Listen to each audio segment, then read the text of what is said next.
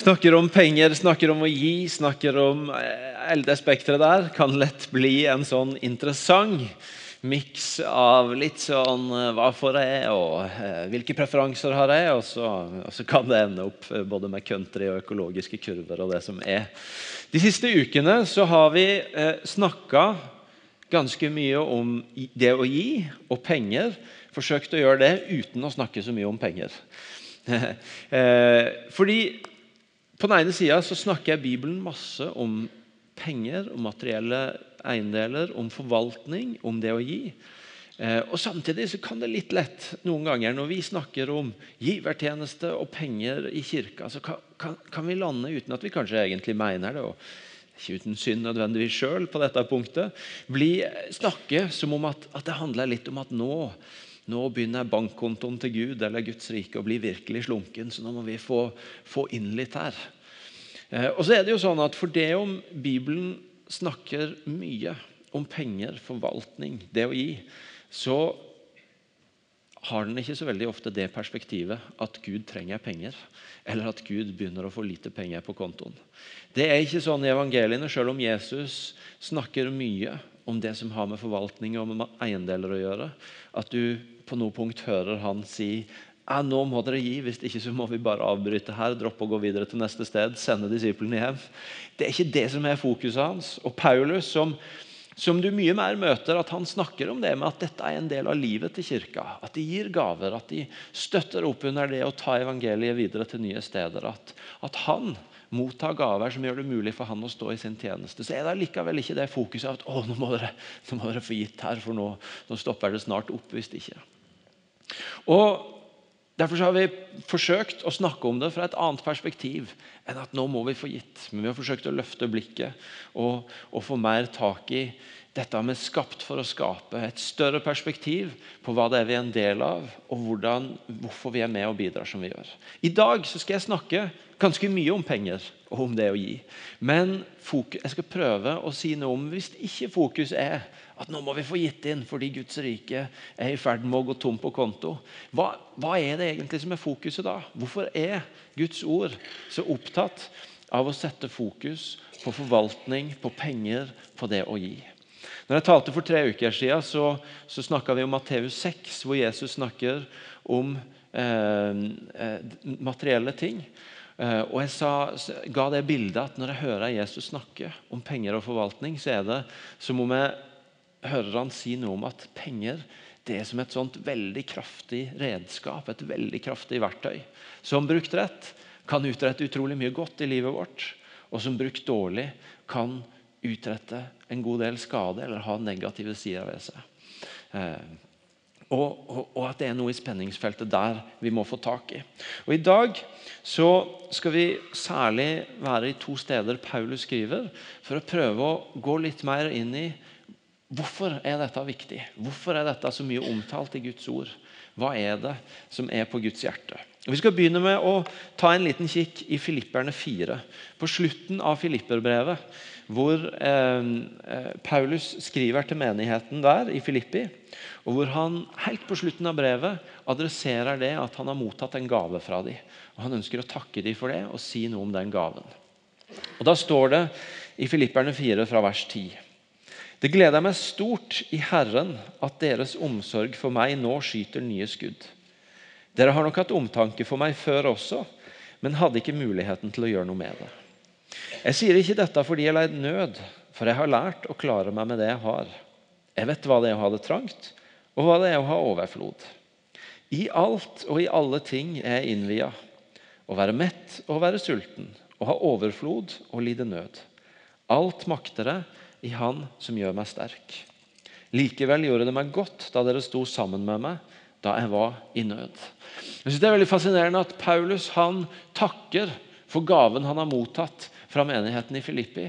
Men han er opptatt av å si det var egentlig ikke gaven i seg sjøl, det var egentlig ikke pengene jeg fikk, som var det viktige.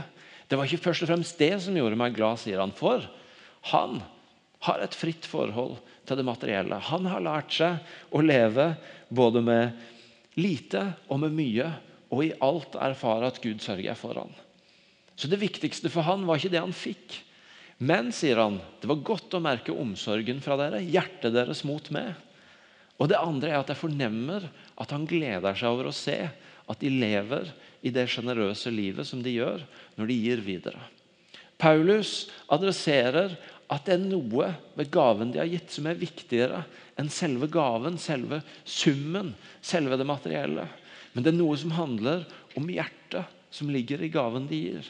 Om det det uttrykker, det det sier om de, og, og de som har gitt gaven. Og Den andre stedet vi skal, vi skal innom litt i dag, så, han, så, er han enda tydeligere på dette. 2. Korinterbrev kapittel 8. Så skriver Paulus til menigheten i Korint. Men han, og han, og han bruker to kapitler på å snakke om det å gi til dem. Og, og snakke om en gave han også ønsker å utfordre de på å gi inn til menigheten i Jerusalem. Men han begynner der med å, med å fortelle dem, med å gi dem et vitnesbyrd om hva en annen menighet, eller noen andre menigheter, menigheten i Makedonia, har gjort. Og Han sier om de I sin nød ble de hardt prøva, men deres overstrømmende glede og dype fattigdom har gjort dem rike og villige til å gi. De ga etter evne, ja, over evne, og frivillig. Det kan jeg bevitne. De ba inntrengende om å få bli med på gaven og tjene de hellige sammen med oss. Og de ga ikke bare slik vi håpet, men de ga seg selv, først til Herren, og så til oss, eh, slik Gud ville. Få tak i setninga i vers 2. Den hadde faktisk gått med hus forbi helt til jeg jobba inn mot denne talen. Han sier deres overstrømmende glede og dype fattigdom har gjort dem rike. Deres dype fattigdom har gjort dem rike. En utrolig interessant formulering. Men som sier noe om at Oi, for det om de materielt sett hadde lite, så hadde de likevel med seg en rikdom som gjorde at de var villige til å gi. Og Så beskriver han hvordan det har leda disse som menneskelig talt i verdens øyne ikke hadde mye å rå over og mye å gi, allikevel ga mye mer enn venta. Han sier i vers 5.: De ga ikke bare slik vi håpa, men de ga seg sjøl. Først til Herren, og så til oss. De ga seg sjøl Først til Herren, og så til oss. Paulus adresserer at når det er så mye snakk om det å gi, om hvordan vi forvalter pengene våre, så handler det veldig mye om hjertene våre. Det er noe som handler om at i hvordan vi forvalter, så, så, så fortelles det også ganske ofte en god del om hva som rører seg i hjertene våre. Jesus sier sjøl i Matteus 6 at der skatten deres er, vil hjertet deres være. Det er en sammenheng mellom hvor vi plasserer det vi forvalter, og hva som skjer inni hjertet vårt. Det betyr ikke at det er den eneste faktoren som styrer hjertet vårt, eller at det er den eneste faktoren som forteller om hva som finnes i hjertet vårt. Men det er ganske tydelig at en vesentlig del av grunnen til at Guds ord er så fokusert på å snakke om hvordan vi forvalter ting, er at det handler om mer enn gaven som gis. Men måten vi forvalter, måten vi gir på, måten vi enten i vår fattigdom eller rikdom gir på, sier noe om hva som foregår i hjertene våre. Det er en kar som heter Basil Pennington, som har sagt Faktum er at det er ikke noe av det vi gjør, som ikke Gud kunne ha reist opp en stein på marka til å gjøre i stedet for. Men det er én ting som vi alene kan gi til Gud. Og det er den ene tingen som vi er skapt for, og som gir oss uendelig viktighet og verdi. Og den ene tingen er vår personlige kjærlighet. Ingen andre enn oss kan gi Gud vår personlige kjærlighet. Gud er ute etter hjertet vårt. Og, én. og det er noe av bakgrunnen for at han også er opptatt av hvordan vi forvalter våre materielle verdier. Fordi det sier ofte ganske mye om hva som skjer i hjertet vårt. En av grunnene til at Guds ord snakker mye om penger og forvaltning, handler om hva pengene kan gjøre med oss og med hjertet vårt. Han ønsker å ta oss inn i en virkelighet hvor vi får leve sjenerøst. Hvor vi får leve med åpne hender, sånn at vi både kan ta imot det han vil gi oss, og sørge for oss, og på den andre side er villige til å gi videre og velsigne videre av det han har velsigna oss med. Han ønsker ikke å ha oss i en posisjon hvor vi lever med lukka hender hvor det er meg og mitt, og jeg skal sørge for meg sjøl. Og hvor jeg lever med byrden av å hele veien ha ansvaret for å forsørge meg sjøl, når jeg egentlig har en far som ønsker å gjøre det. Og hvor jeg derfor heller ikke er klar for å leve raust og sjenerøst. Fordi jeg må sørge for meg og mitt, i stedet for å leve i tro til Han som forsørger meg. Gud er ute etter hjertet mitt, og han ønsker å få meg til et sted hvor jeg lever med åpne hender. Til å ta imot fra Han og til å gi videre av det Han har gitt oss. De ga seg sjøl, først til Herren og så til oss, slik Gud vil det. Det handler om hva disse pengene gjør med oss. Men det andre er at Guds ord er også opptatt av hva vi kan gjøre med de midlene vi rår over. Guds ord er opptatt av hva de kan gjøre med oss, men Guds ord er også opptatt av hva vi kan gjøre med det vi rår over. Tilbake i Filipperne 4 så sier Paulus, etter å ha egentlig sagt at det var ikke så viktig med pengene, men det var fantastisk å merke i hjertet deres, så sier han også i vers 17 Det er jo ikke gaven jeg er ute etter, men det er frukten av den. Og den skal bli godskrevet dere rikelig. Det er ikke gaven i seg sjøl, men det er det den utretter. Det er den frukten den kan bære. Det er det dere sår inn i og gir inn i. Og det det kan bli til, som betyr at dette her var så viktig.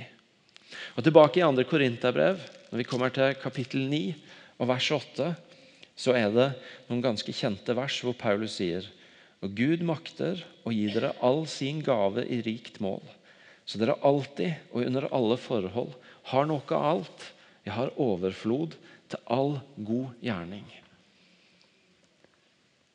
Guds ord er opptatt av å si noe om hvordan vi forvalter det vi har. Fordi det setter oss i kontakt med hensikten med livet vårt. Vi er skapt for å skape. Helt fra skapelsen av så lyder ordet fra Gud dere skal være fruktbare. Dere skal bety en forskjell, dere skal gi videre, sånn at nye ting skapes. Og Når Paulus skal takke for gaven fra filipperne, så sier han det er frukten, det er det den skaper, som betydde så mye. Og I vers 12 så skriver han om gaven at den skaper også en overflod av takk til Gud. Jeg og du er skapt med en hensikt. Vi er skapt for å bety noe. Vi er skapt for å skape.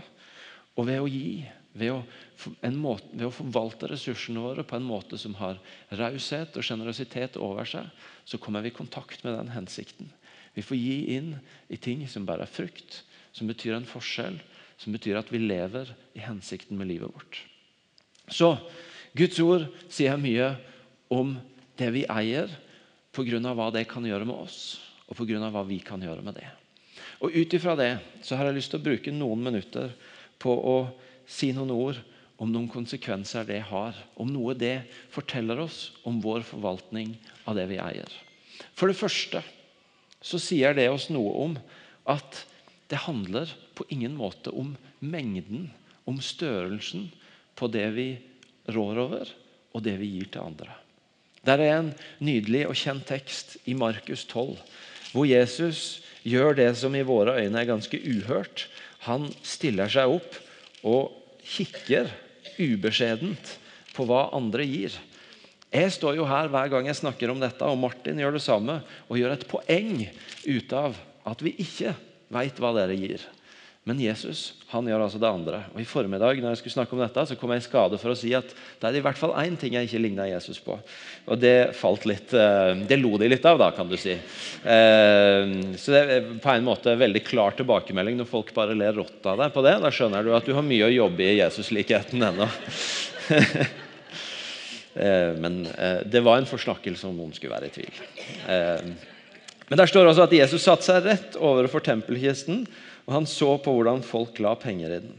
Mange rike ga mye.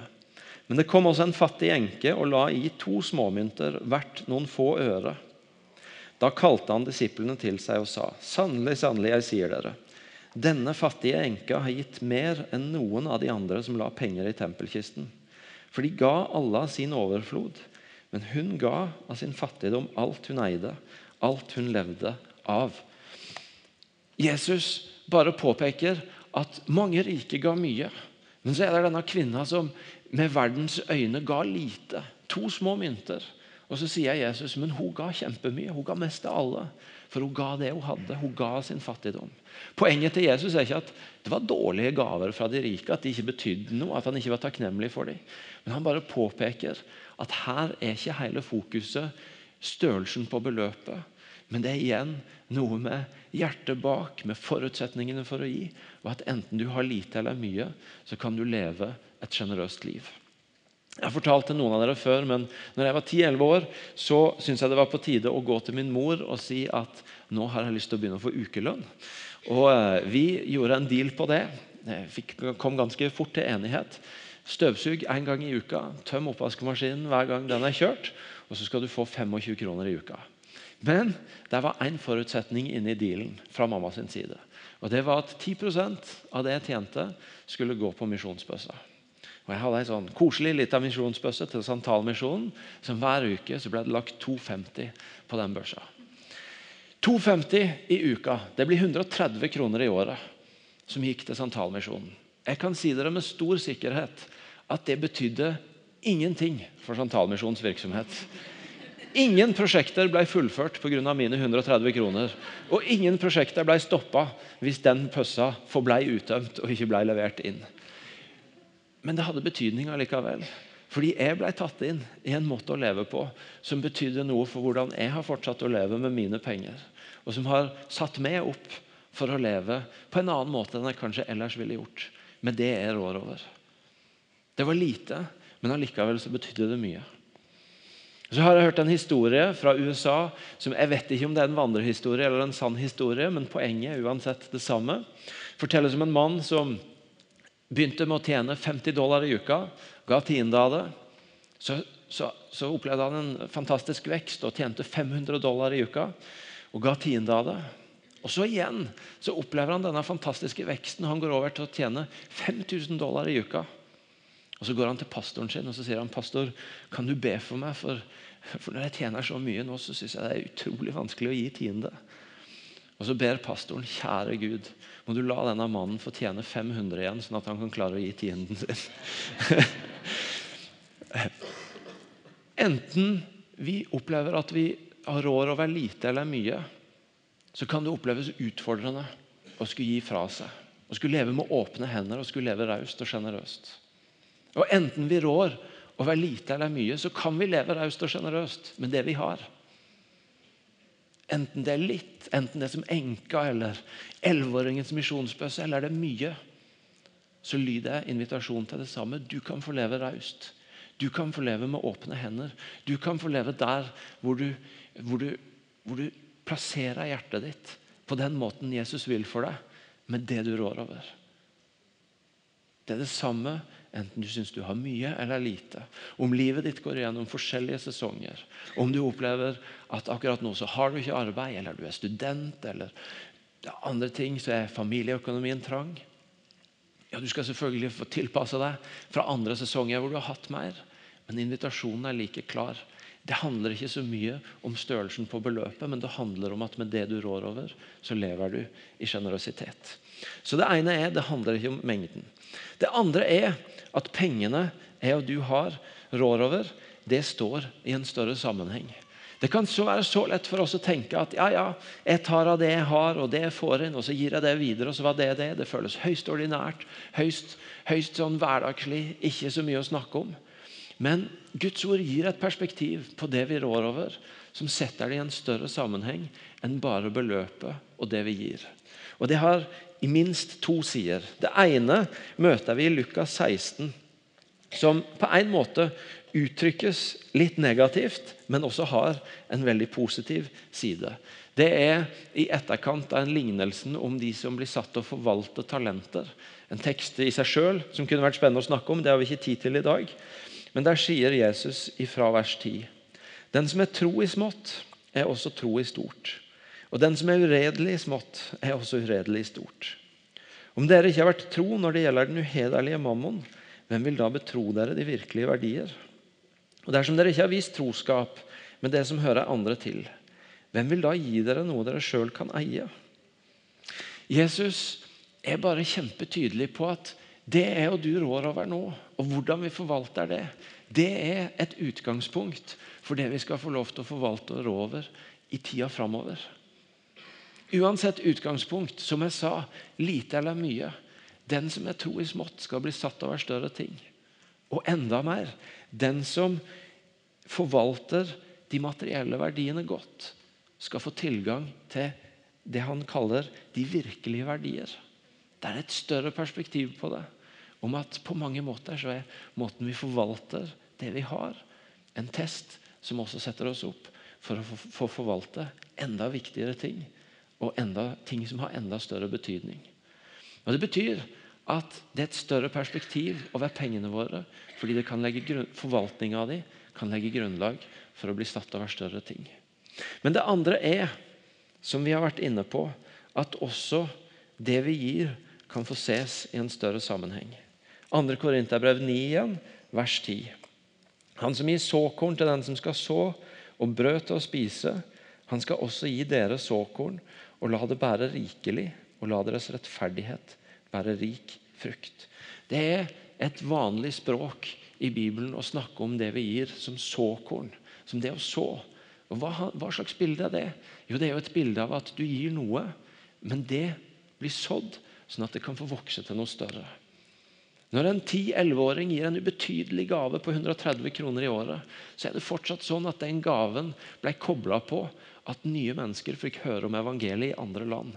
Det fikk jeg være en del av med mine høyst begrensa midler.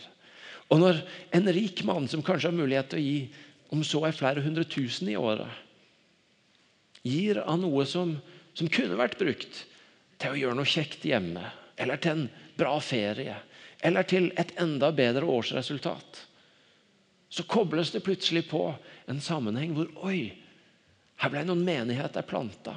Her fikk noen mennesker høre evangeliet. Noen ble frelst. Noen fikk hjelp. Guds rike fikk gå fram. Det blir kobla på en mye større sammenheng enn det pengene representerer i kroner og øre, og det de ellers ville representert. 2,50 i uka det kunne blitt til fem bugg mer i uka, fordi det kosta 50 øre på den tida. Personlig hadde jeg nok hatt mye større glede av det enn det de pengene betydde i kroner og øre. Men pengene ble kobla på en evig hensikt, nemlig at mennesket fikk høre med evangeliet. Jeg og du får lov til å se det vi gir, med et trosperspektiv. Og når du gir i denne sammenhengen her, så får du være en del av å gi, sånn at mennesker i denne byen, i dette landet og i misjonslandene våre får høre om evangeliet, og vi får se at mennesker blir frelst hver eneste uke. Det er betydningen, det er perspektivet på det vi er en del av. Så det handler ikke om mengden, det står i en større sammenheng. Og til slutt det handler om liv og ikke lov. Det er så lett for oss når vi snakker om disse tingene her, at det blir lovdelen. Det jeg skulle gjort. Jeg skulle ha gitt mer. Jeg skulle ha gitt sånn. De snakker om at sånn og sånn kan du gjøre det. Skal jeg gjøre det, eller skal jeg ikke gjøre det? Jeg tulla med det sist gang jeg talte for tre uker siden. At, at på en måte som, som, taler så hadde det vært mye lettere å snakke om penger hvis vi levde under loven. For da kunne jeg bare sagt Guds ord sier sånn og sånn og sånn, gå og gjør det. Men da hadde vi også mista poenget, for noe av det som gjør at dette er kjekt å snakke om, og at jeg gjør det med stor frimodighet, er at det er et liv bak det å få tak i. Hvis det eneste jeg hadde oppnådd, var at du hørte ja, ok, han snakker om at jeg bør gi, og jeg bør gi så eller så mye. og Skal jeg gjøre det eller skal jeg ikke gjøre det? Ok, jeg hører på han og gir. Så, så er det på en måte begrensa hva det er verdt. Men det dette handler om, det er å få tak i den gleden og det livet som finnes i å få leve sjenerøst. I å få være en giver, i å få koble mine ressurser på en større hensikt. Jeg syns det er fascinerende at i Romerne 12, hvor Paulus skriver om, om eh, nådegaver så Midt inni ting som vi er vant til å snakke om når vi snakker om nådegaver Vi snakker ofte om en gave til å undervise, eller en gave til å lede, eller en gave til å dele evangeliet med andre, eller, eller en gave til omsorg. Midt inni der så sier han i vers, eh, i vers 8, kapittel 12, vers 8 Den som gir av sitt eget, skal gjøre det uten baktanker. Han snakker om det å gi som en gave. Og så vet jeg at eh, det, er alltid en fare ved å bringe inn nådegaveperspektivet. fordi at Sånn er det med andre ting også, At, at, noen ikke sant, tenker at ja, noen har en gave til å be for syke, og de får holde på med det. Og, og noen har en gave til å dele evangeliet, og de får gjøre det. Og så, så, tenker du ja, ja, nå sier han jo at noen har en gave til å gi, så da får de holde på med det. Og så, og så kan jeg koble meg av. Men akkurat som ja, noen har en spesiell gave til å be for syke, men alle kan gjøre det. Akkurat som noen har en spesiell gave til å dele evangeliet, men alle kan gjøre det. Og ja, noen har en spesiell gave til sjenerøsitet. Men vi skal alle få være en del av det. Men poenget med at jeg trekker det fram nå, er først og fremst det perspektivet at oi, det blir omtalt som en gave å få være en giver. Vi tenker jo noen ganger på det som noe vi må kjempe med, men, men, men, men Paulus sier det er en gave fra Gud. Det er en nådegave å få være en giver. Og det sier noe om det livet som fins i å få leve med åpne hender, i å få leve sjenerøst. Ordspråkene 11 sier det på en litt annen måte. Siste bibelord i dag. Jeg vet vi har hoppa mye rundt i Bibelen i dag. Vi skal få med dette siste. Eh, den gavmilde får gode dager. Den som øser ut til andre, får rikelig tilbake. En velsignelse i det å gi. En glede i det å gi. Et liv i sjenerøsitet som Guds ord, som Jesus vil at jeg og du skal få tak i. Ikke fordi han trenger pengene. Ikke fordi han ønsker at vi skal leve under en sånn lovisk greie at jeg burde, jeg skulle. Men fordi han ønsker inn å ta oss inn i et liv av sjenerøsitet. Et liv som det er velsignelse i. Et liv hvor det står så mange ganger at den som gir, skal bli rikelig velsigna tilbake. Det er ikke først og fremst et løfte om at din konto vokser når du gir ut. Selv om det òg kan skje. Men det er et løfte om at du skal få oppleve velsignelsen i å se hva det du gir, betyr. Få se gleden i å velsigne andre. Få se gleden i å være en del av noe større gjennom det du rår over. Så la oss reise oss opp. Og så har jeg lyst til at vi skal be litt sammen. Nei, vent! Nå jeg, var jeg litt tidlig ute. Jeg glemte noe jeg skulle si. Jeg må jo si det til slutt, da. Eh, for nå har jeg lagt innover dere at Guds ord snakker om dette pga. hva pengene gjør med oss, og pga. hva vi kan gjøre med pengene. Og at dette her er et liv som Jesus vil vi skal få tak i. Helt til slutt så har jeg lyst til å repetere det jeg også sa for noen uker siden om noen konkreter Guds, som Guds ord veileder oss på. Om hvordan vi kan gå inn i det livet. Hvordan vi kan på en måte konkret ta stega inn i det livet og den friheten som han ønsker for oss. For det første så sier Guds ord om å gi førstegrøden. Om å først gi videre av det vi har fått. Det betyr helt konkret å ikke gi det som ble til overs, når alt annet var sørget for. Men, men, Guds ord er opptatt av at vi lever i tro ved å begynne med å gi ut, og så tro at Han vil sørge for oss. Det betyr helt konkret for min del at samme dag som lønna kommer inn, så går givertjenesten ut. Fordi jeg gir ikke det jeg fikk til overs, men jeg gir av det første jeg fikk, sånn som Guds ord sier. Sånn at jeg kan leve i tro, og jeg har tillit til at det som blir til overs, det vil holde, og Han vil sørge for meg. Det andre er at Bibelen gir dette prinsippet med å gi tiende av det vi rår over. Det er ikke en regel, det er ikke en lov, men det er et prinsipp hvor, som, som må bli et utgangspunkt for det å leve raust og sjenerøst. Spørsmålet er ikke, er ikke, ikke, er ikke alt jeg har, Guds, eller er det bare 10 Nei, Det som er poenget med tienden, er at den representerer en bekjennelse til Gud av at alt jeg har, er ditt. Og jeg bekjenner det ved at det første jeg har, gir 10% tilbake til deg. Den er ikke sluttpunkt, den er ikke en plattform. Det er lov å begynne lavere hvis det, det høres ut som ei høylist. Og det er definitivt lov til å fortsette høyere hvis du er der. Men, men den veiledning Bibelen gir. Og til slutt så snakker jeg Bibelen om takkegaver, om offergaver, om barmhjertighetsgaver som vi får lov til å gi ut fra den plattforma til ulike mennesker som trenger det, til ulike formål som trenger det, til ulike situasjoner vi er i.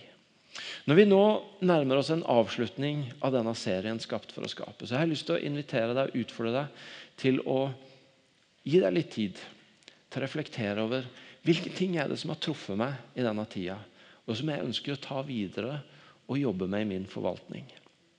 Jeg vet for min egen del at gjennom å jobbe med dette i disse ukene, så har jeg blitt oppmerksom på noen ting i min forvaltning som jeg tenker ah, det er greit, men det der har jeg lyst til å ta tak i. Jeg har lyst til å få tak i det livet som er her.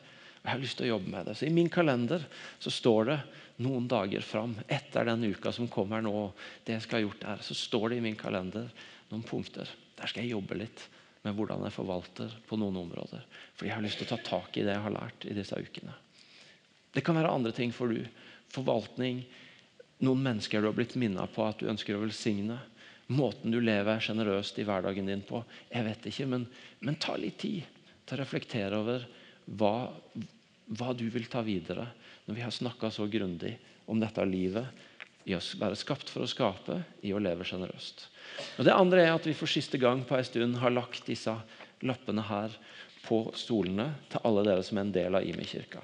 Og Gjennom det inviterer dere til å praktisere det vi har snakka om, også ved å bli fastgiver i menigheten. Så langt så har mange av dere respondert, og dere har gitt løfter på nesten 700 000 kroner i året. Det er vi kjempetakknemlige for. Og så har jeg lyst til å gi du som har tenkt på det, eller ikke har kommet så langt, eller trengte en søndag til på å liksom, eh, få helt taket på det, til å, til å minne enda en gang på at din mulighet er å fylle ut slippen og enten legge den i postkassa bak ved miksepulten, eller ta med deg en konvolutt og sende den til oss når du har fått tid til å be over det og fylle ut. Også i formiddag så var det folk som responderte. Det er vi glad for. Og du er velkommen til å gjøre det i kveld. Nå kan dere få reise dere opp, og så skal vi be sammen. Gode far, tusen takk for at du er en god far som vil sørge for oss i alt i dette livet. Og takk for at du inviterer oss til å leve et liv med åpne hender.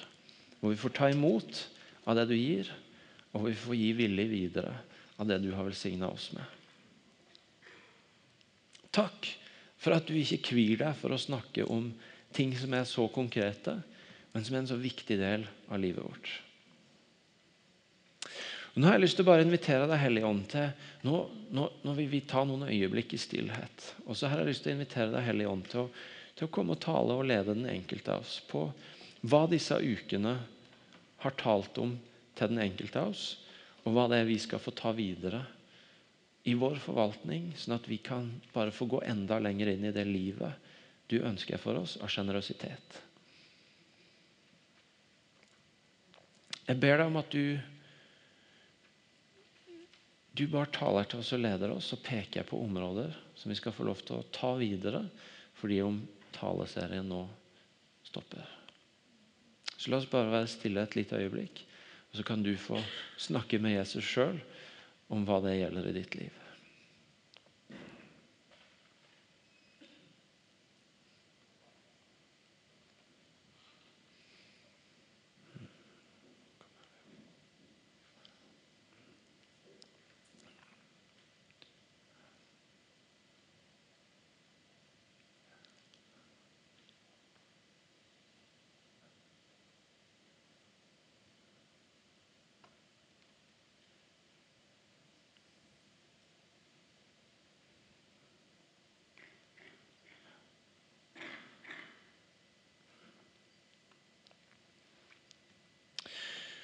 Det andre jeg har lyst til å be inn i, er at eh, når vi lovsang i formiddag Jeg hadde egentlig ikke tenkt på dette, det var ikke derfor jeg trakk det fram, men når vi lovsang i formiddag, så ble jeg minnet om nettopp Romerne 12 og denne, med, at det, omtales som en nådegave å være en giver. Og jeg tror at I rommet i dag så finnes det noen som, som har den gaven, og som kanskje ikke helt har hatt et språk for det ennå, eller kjent seg helt satt fri og forløst inn i det. Du har kanskje kjent dragninga i hjertebanken, et eller annet rundt det med å gi. Men du har ikke helt visst hva du skal gjøre med det. Eller, eller du har kanskje syntes det har vært litt vanskelig. Eller, eller, du har vært litt tatt av den norske sånn, nøkternheten av at det kan jo bli litt voldsomt for folk rundt hvis det blir litt mye. Og så har jeg bare lyst til å, hvis det gjelder du, å be for deg i dag om at, om at du skal få kjenne deg satt fri til å tre inn i og leve i den gaven. Jeg sier ikke det primært som pastoren som skal ha deg til å fylle ut enda mer på den seddelen. Men jeg sier det med et ønske om at du skal bli satt fri til å leve i sjenerøsitet i omgivelsene dine. Ut fra en gave Gud ønsker å gi deg om å være en giver. Så, fordi det kan kanskje for noen være sårbart. Hvis vi lukker øynene, og så kan du som kjære tenker at ja, det tror jeg har noe med mitt liv å gjøre. Jeg kjenner en dragning der. Du kan få rekke ei hånd i været, og så har jeg lyst til å be for deg om at Gud skal forløse deg inn i den gaven som er over livet ditt. Mm. Nydelig. Det er flere hender som går opp. Ja. Mm. Ja, tusen takk, gode far, for at du en god far som, som, som ville gir oss av dine gaver. Takk for at det å få være en sjenerøs giver er en gave fra du. Og takk for brødre og søstre som akkurat nå gir til kjenne at de kjenner på at der er det noe over deres liv. De enten gjenkjenner at de tror de har, eller at de ønsker å få tak i den gaven i livet. Nå ber jeg deg om at du skal sette dem fullstendig fri til å leve inn i det.